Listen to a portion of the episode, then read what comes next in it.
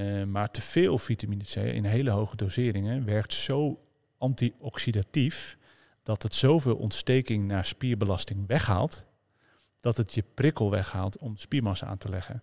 Dus vitamine C is goed voor je onderhoud, Ja. maar te veel vitamine C eh, is, werkt de spieropbouw tegen. En niet alle eh, vetzuren of onverzadigde vetzuren worden echt verteerd en opgenomen.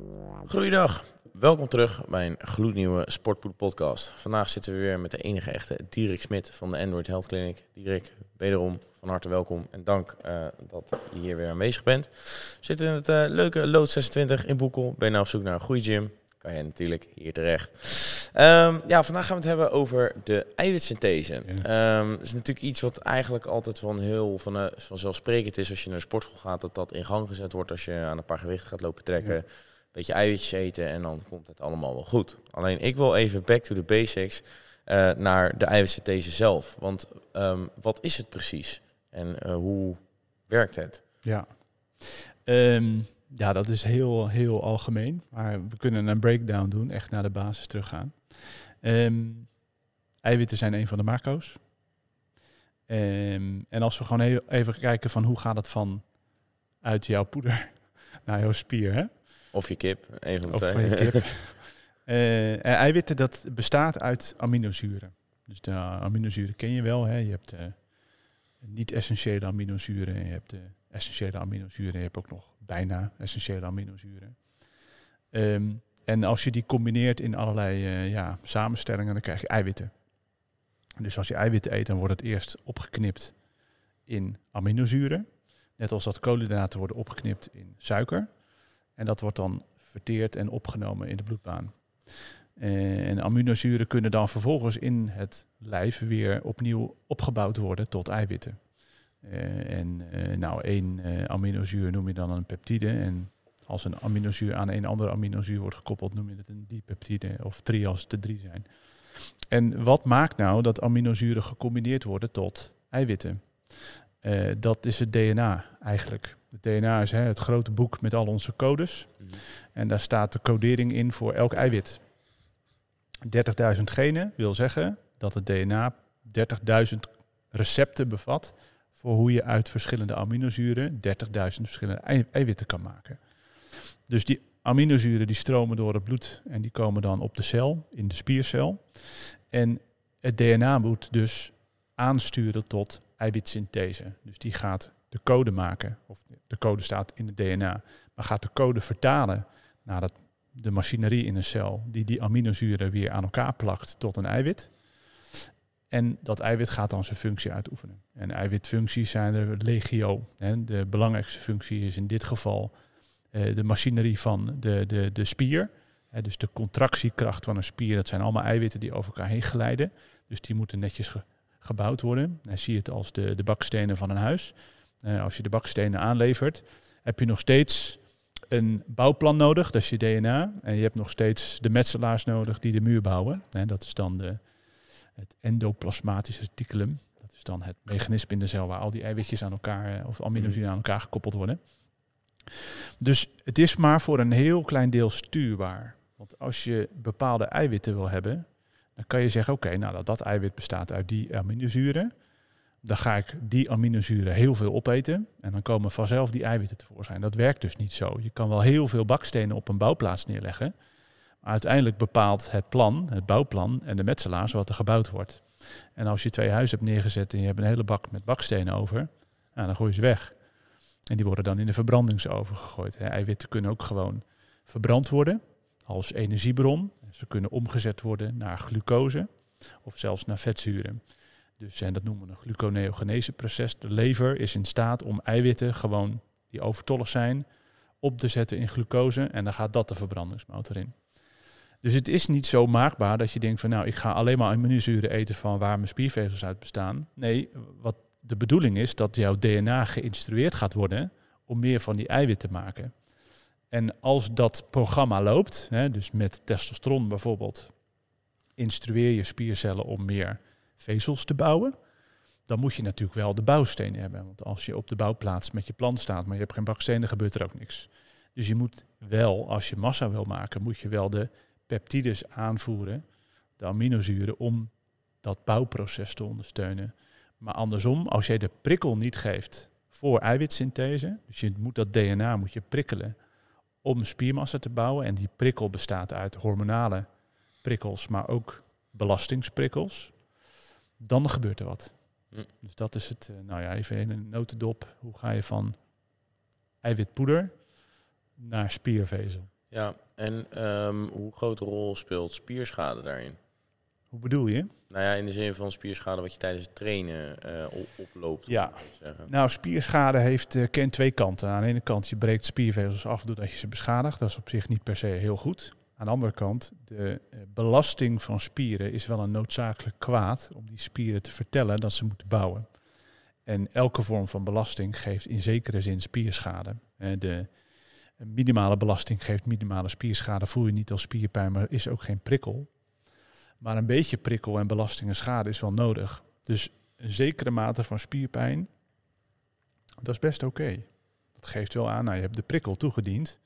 En omdat het programma om die eiwitsynthese in de eh, richting te sturen van spieropbouw, omdat dat programma gewoon loopt, zorg je er uiteindelijk wel voor dat je per saldo niet alleen dat afgebroken spier weer aanlegt, maar ook extra spierweefsel aanbouwt. Ja. Dus spierschade is, eh, eh, hè, dus op de hele korte termijn, acute schade is niet goed. Maar het geeft wel een zekere mate van ontsteking die je nodig hebt om die spieropbouw te induceren. Grappig weet je hierover is vitamine C. Antioxidant, wordt veel als supplement gebruikt. Mhm. En een klein beetje vitamine C is goed. Eh, maar te veel vitamine C in hele hoge doseringen werkt zo antioxidatief dat het zoveel ontsteking naar spierbelasting weghaalt, dat het je prikkel weghaalt om spiermassa aan te leggen. Dus vitamine C is goed voor je onderhoud, Ja, maar te veel vitamine C eh, is, werkt de spieropbouw tegen. Oké. Eh, ik ga mijn sinaasappels eten. nee, Niet te veel, ja. oké, bijzonder. Wist ik niet. Ja. Ehm, Dus als je vitamine C suppleert, hè, dat is, nou, hè, het is een antioxidant, heeft voordelen, eh, maar overdrijf niet, want te veel is ook niet goed. Ja, oké. Ehm, ja, want ehm, de eiwitsynthese wordt dus eigenlijk in gang gezet door, nou ja, do- door, door voeding te, te, te consumeren, zeg maar. Ja. Ehm, als je kijkt naar, eh, als je dan, want dat is wel even een fabeltje die ik wilde bespreken, omdat we die, eh, jij zei van, eh, je lichaam kan het omzetten. er werd dat heel vaak gezegd van, ja, als je te veel eiwitten eet, wordt dat omgezet in vet. Ehm, kan dat in het lichaam of is de voorwaarde dan dat er een positieve energiebalans is? Dank je wel. Nou, je maakt hem eigenlijk zelf af. Ja, nee, het kan. Hè, dus de lever is echt best, wel, best wel een stoer orgaan. Kan alles metaboliseren van hot naar her en alle kanten op. Dus inderdaad, de lever is in staat om eh, eiwitten om te bouwen tot glucose. En glucose kan uiteindelijk ook weer omgebouwd worden in vet. Dus in die zin klopt dat. Alleen dat gebeurt niet op het moment dat er een caloriebalans is. Maar in een calorieoverschot, waarbij dat overschot met name komt van een overmaat aan eiwitten, zal dat leiden tot meer vetopslag. Ja, Maar dan is dat, is dat meer een calorieverhaal ja, dan dat dat nou aan eiwitten ligt. ja precies. En wat je dus een beetje voor moet oppassen, de, de, de meeste mensen die er serieus mee bezig zijn, die houden hun calorieën netjes bij.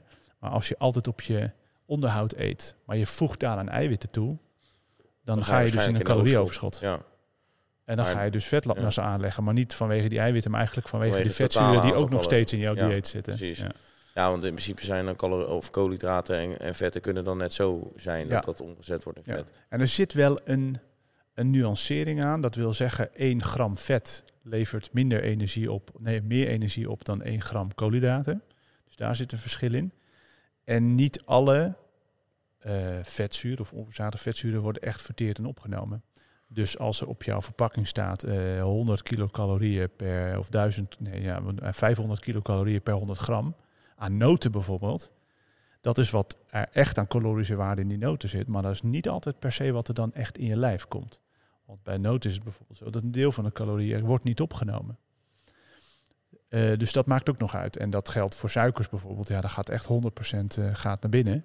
En eiwitten over het algemeen ook. Maar het ligt ook aan het voedingsproduct en de samenstelling. Dus dat soms niet alle calorieën uit de voeding ook echt de calorieën zijn die in jouw lijf komen. Dus dat, daar zit ook nog wel een klein verschil. Ja. Oké, ehm, en die eiwitsynthese die is dan, ehm, nou, die, die vindt dan plaats door middel van voeding. Ehm, nou, het verhaal van de eiwitsynthese is denk ik redelijk duidelijk. Je moet gewoon zwaar genoeg trainen in de sportschool, al wil je dat überhaupt in gang kunnen zetten. Ja. Want je moet dus die prikkel geven. Juist. Ehm, dus dan komen we toch eigenlijk alweer voornamelijk uit bij eh, voeding. Ehm, als we kijken naar bepaalde vormen van eiwitten die eh, invloed hebben op die eiwitsynthese. Zijn er bepaalde bewezen eh, eiwitten die beter eh, functioneren voor het lichaam dan niet? eh, dan andere bepaalde eiwitten? ja, op zich zijn die wel. Eh, Er zijn eiwitten, eh, als je alle aminozuren even afzonderlijk gaat bekijken, je hebt natuurlijk de essentiële en niet-essentiële aminozuren.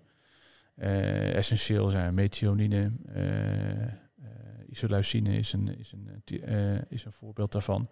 Die moet je uit je voeding halen. Jij kan ze niet zelf maken. Dat is het idee van een essentiële aminozuur. Je, je, maakt, je hebt niet hè, de lever die best wel stoer is, maar kan dus niet alles maken. Ja. Maar over het algemeen houden die voldoende uit voeding überhaupt. En daar hoef je geen supplementen voor te gebruiken. Dus de, de essentiële aminozuren, daar is onderzoek naar gedaan. De EAA's. Dat heeft niet zo heel veel meerwaarde. En die BCAA's, die eh, eh, eigenlijk ook Branch niet chain amino acids. in amino acids. Je moet eiwit hebben voor de spier, de eiwitsynthese. Hè. Dus je moet de bouwstenen leveren. Maar je moet zelf de prikkel verzorgen. Maar de samenstelling van die eiwitten, daar zit waarschijnlijk minder magie in dan men denkt. Maar er zijn, er zijn best wel aminozuren die wat specifieker zijn uitgezocht. Beta-alanine is daar een voorbeeld van. En dat is een aminozuur dat samen met histidine eh carnosine vormt. En carnosine is dan een, ja, een molecuul, een dipeptide, want het zijn dus twee aminozuren aan elkaar, die in spiercellen als een soort buffer werken. En als buffer heb je als voordeel dat als een spiervezel verzuurt door inspanning, dat hij net iets langer door kan. Want je kan die verzuring bufferen met je carnosine. En dat is ook, daar zit best wel goed onderzoekswerk achter. Dat is redelijk gefundeerd dat dat toegevoegde waarde heeft. En voor arginine is dat ook wel zo. Daar is best wel wat bewijs voor. Eh, en het voordeel met die aminozuren is dat eh, ze werken ook als een soort osmotisch eh, werkend goedje. Wat wil zeggen dat het vocht aantrekt. Dus als dat in hoge concentraties in spiervezels aanwezig is, dat het meer vocht aantrekt en je dus meer water in je spieren krijgt. Een beetje zoals creatine werkt. Ja. Dus daar is best wel wat bewijs voor. Maar de effectmaat, dus hoeveel maakt dat nou echt uit, dat valt best wel mee. Dus daar zit, dat is nou niet alsof dat nou een wereld van verschil maakt. Maar hey, als je toch supplementen neemt, dan zou zoiets wel ondersteunend kunnen zijn.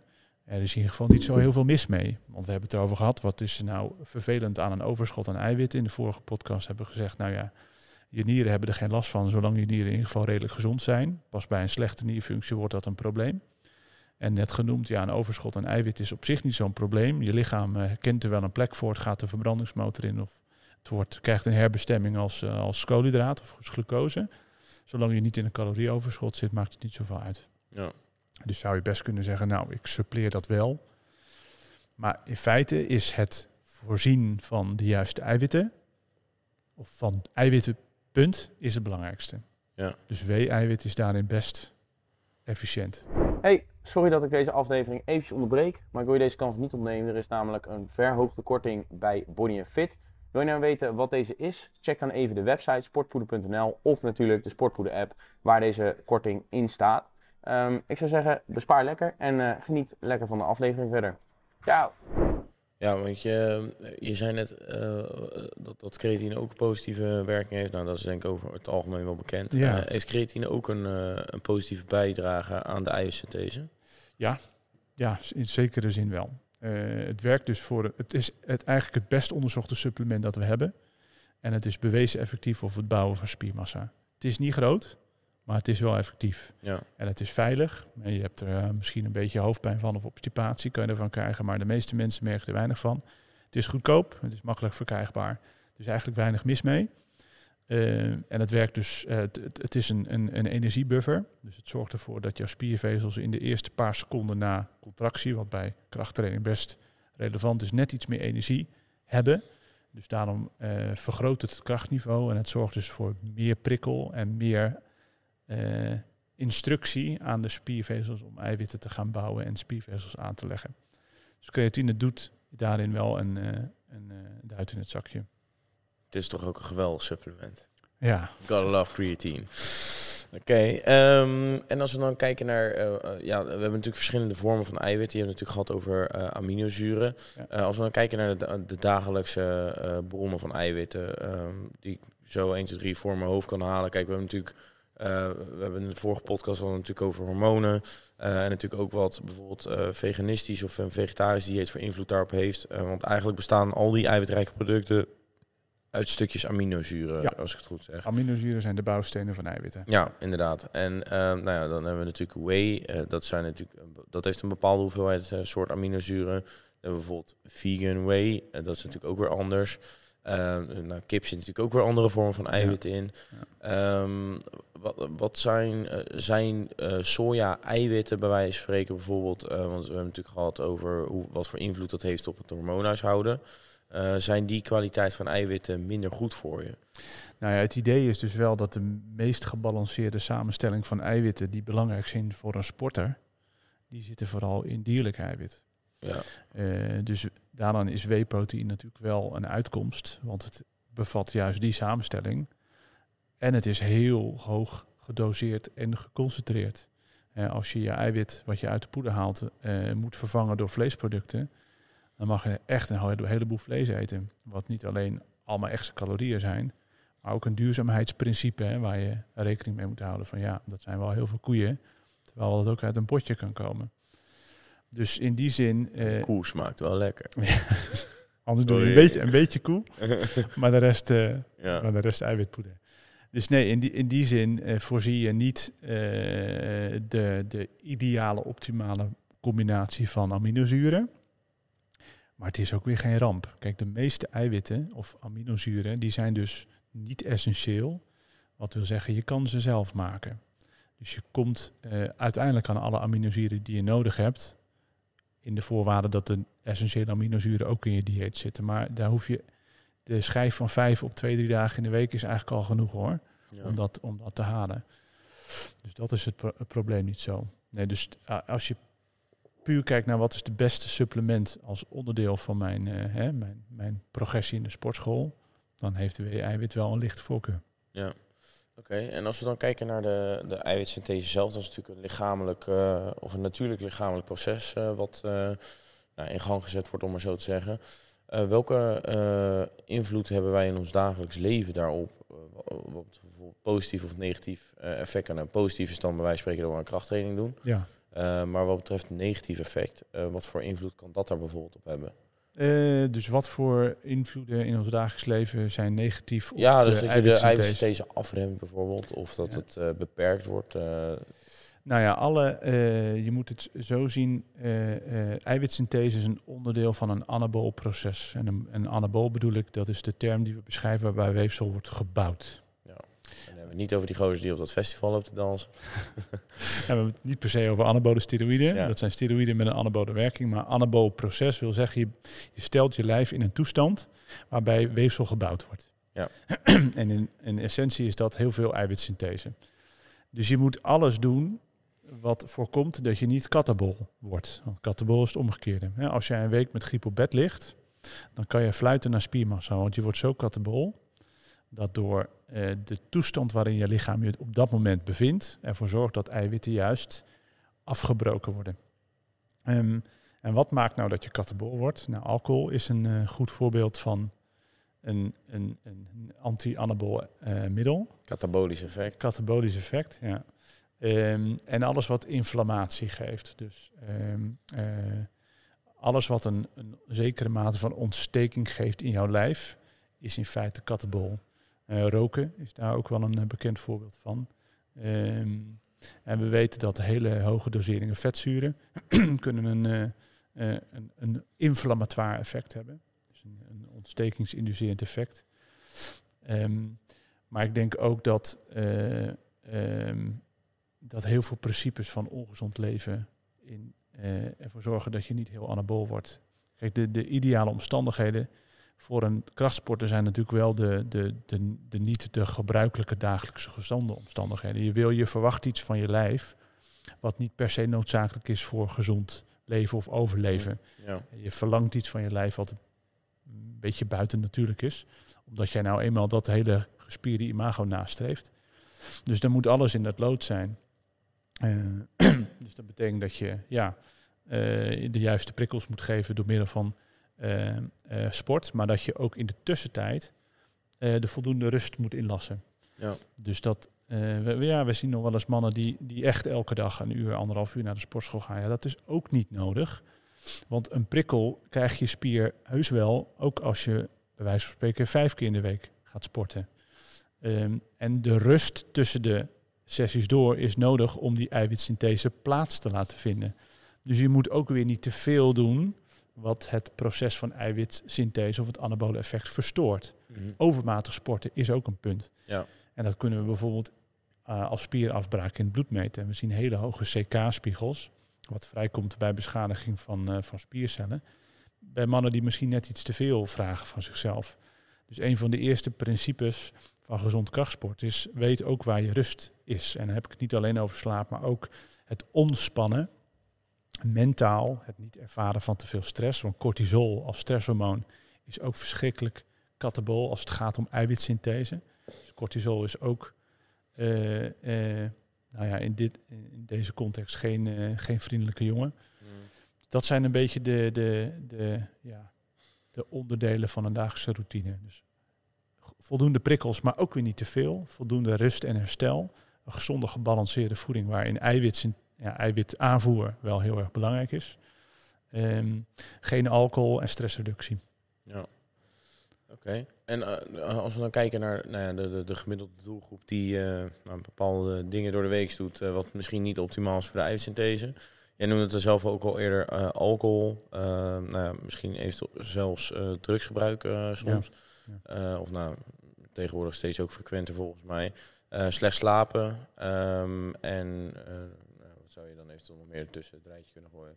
Ehm, ja, so- softdrugs zoals blowen, et cetera. Eh, die vier onderdelen, eh, wa- wat voor invloed heeft dat op de eiwitsynthese? Te beginnen eh, met alcohol bijvoorbeeld. Ehm, nou, alcohol is direct toxisch voor spiercellen. Dus dat is, dat is een nadeel. We hebben het in de vorige podcast ook besproken. Alcohol verstoort de slaaparchitectuur en de slaapkwaliteit. Ehm, als je het over eiwitsynthese hebt, heb je het eigenlijk indirect over testosteron. Hè? Want testosteron is het belangrijkste hormoon in het stimuleren van het bouwplan. Hè? Om Mhm, het bouwplan te, te maken dat er spieraanleg plaats moet vinden. Dus alles wat testosteron verlagend werkt, heeft dus ook een katabol of een anti-anabol, of in ieder geval niet een bevorderende werking voor de spieraanleg. Dus alles waar we het over gehad hebben in die podcast, eh, komt hier eigenlijk ook weer in terug. Dus die adviezen zijn niet heel erg anders wat dat betreft. Ja. Oké, en ehm, nou ja, de, de, de, de alcohol of alcoholconsumptie, dat remt eigenlijk de eiwitsynthese. Eh, als we dan kijken naar bijvoorbeeld een tekort aan slaap. Ja. Ehm, wat, wat doet dat precies met de eiwitsynthese? Ehm, nou, slaap is een onderdeel van het herstelproces. Ja. Zit, dat is niet alleen cognitief. Hè. Als, je, als je wakker bent, dan bouw je adenosine op in je hersenen. Dat is zeg maar de, de, de, de, de, het restproduct van eh, cognitieve energie, om maar zo maar even te noemen. En als je slaapt, wordt dat schoongespoeld. En je gaat alles eh, fragment, defragmenteren in je hersenen. Herinneringen worden opgeslagen. Eh, het leervermogen zit voor een heel belangrijk deel in je slaap. Maar ook gewoon het herstel, het, het, fysieke herstel. In je remslaap ben je, ben je helemaal slap. Al je spieren zijn 100% slap. Het enige wat beweegt zijn je ogen. Dus een slaap is gewoon een essentieel onderdeel van het tot rust komen, letterlijk en figuurlijk van je spieren. Dus het, het hebben van onvoldoende slaap is niet alleen ne- negatief voor je testosteronproductie, maar ook gewoon een, een inbreuk op het herstel wat je spieren moeten hebben. Eh, dus alcohol, spieren, waar gingen we nog meer? Ehm, ja, drugs en softdrugs. Zeg Ja. maar. Wat, wat voor invloed zou drugs bijvoorbeeld kunnen hebben ehm, op, eh, nou laten we dan even de meest reguliere... Wij krijgen de vraag best vaak, omdat heel veel van onze volgers die Ja. zijn festivalgangers en die willen er Ja. ook goed uitzien. Eh, en die stellen dan de vraag van ja, wat voor invloed heeft eh, nou, ja, bijvoorbeeld ecstasy op mijn, eh, nou, om, omdat er voornamelijk MDMA in zit. Wat voor invloed heeft dat bijvoorbeeld op de eiwitsynthese? Ja. Zijn daar dingen over bekend? Of? Nou, ik denk dat ecstasy is natuurlijk een am- amfetamine. Dus in amfetamine is een stimulerende stof die denk ik uiteindelijk geen juist een anti-anabole werking heeft. Eh, je stofwisseling gaat omhoog, dus er, wordt meer, eh, er moet meer de motor in. Dus ik denk dat heel veel uh, macro's gebruikt worden om energie te leveren voor een zinloos en doelloos proces. Het warmer maken van een lichaam dat ja. dit een MDMA-kick zit. Ehm, het verstoort de slaap en het geeft uiteindelijk enorme stress. Stressreactie brengt het teweeg, cortisolrespons. Dus dat zijn allemaal dingen die natuurlijk helemaal niet zijn wat je wilt. Cannabis heeft een oestrogeenwerking, hebben we het ook al over gehad. Dat is natuurlijk een testosteronverlagend effect, wat ook mhm. weer voor de eiwitsynthese niet optimaal is. roken is een inflammatoire uh, probleem, dus dat geeft ontsteking en daarmee ook op, op, op spiercelniveau uh, effect. Nou, wat hebben we nog meer? Cocaïne. Dat valt een beetje hetzelfde straatje als de amfetamine. En dat is een enorme stimulerende druk. Uh, die ook weer zijn repercussies heeft op verbranding en op, uh, op slaapkwaliteit en dat soort dingen. En stressrespons teweeg brengt. Uiteindelijk is er denk ik geen enkele drugs bevorderlijk. Als je 100% wil inzetten op, op, op spiergroei, dan moet je dat gewoon allemaal niet doen. Nee, ja, logisch. Uh, ze zijn altijd benieuwd van uh, wat voor, uh, hoeveel concrete invloed heeft het? Dus hoeveel, welk percentage lever ik in? Maar ja, dat is natuurlijk ook heel lastig om daar een vinger op dat te Dat hangt natuurlijk af van hoeveel je gebruikt. En hoe gevoelig je daarvoor bent. En wat voor moment je het gebruikt. Gebruik je het in een stressvolle periode of doe je het eens per maand op een layback-avond. Wanneer je helemaal ontspannen bent en verder niet zoveel stressoren om je heen hebt.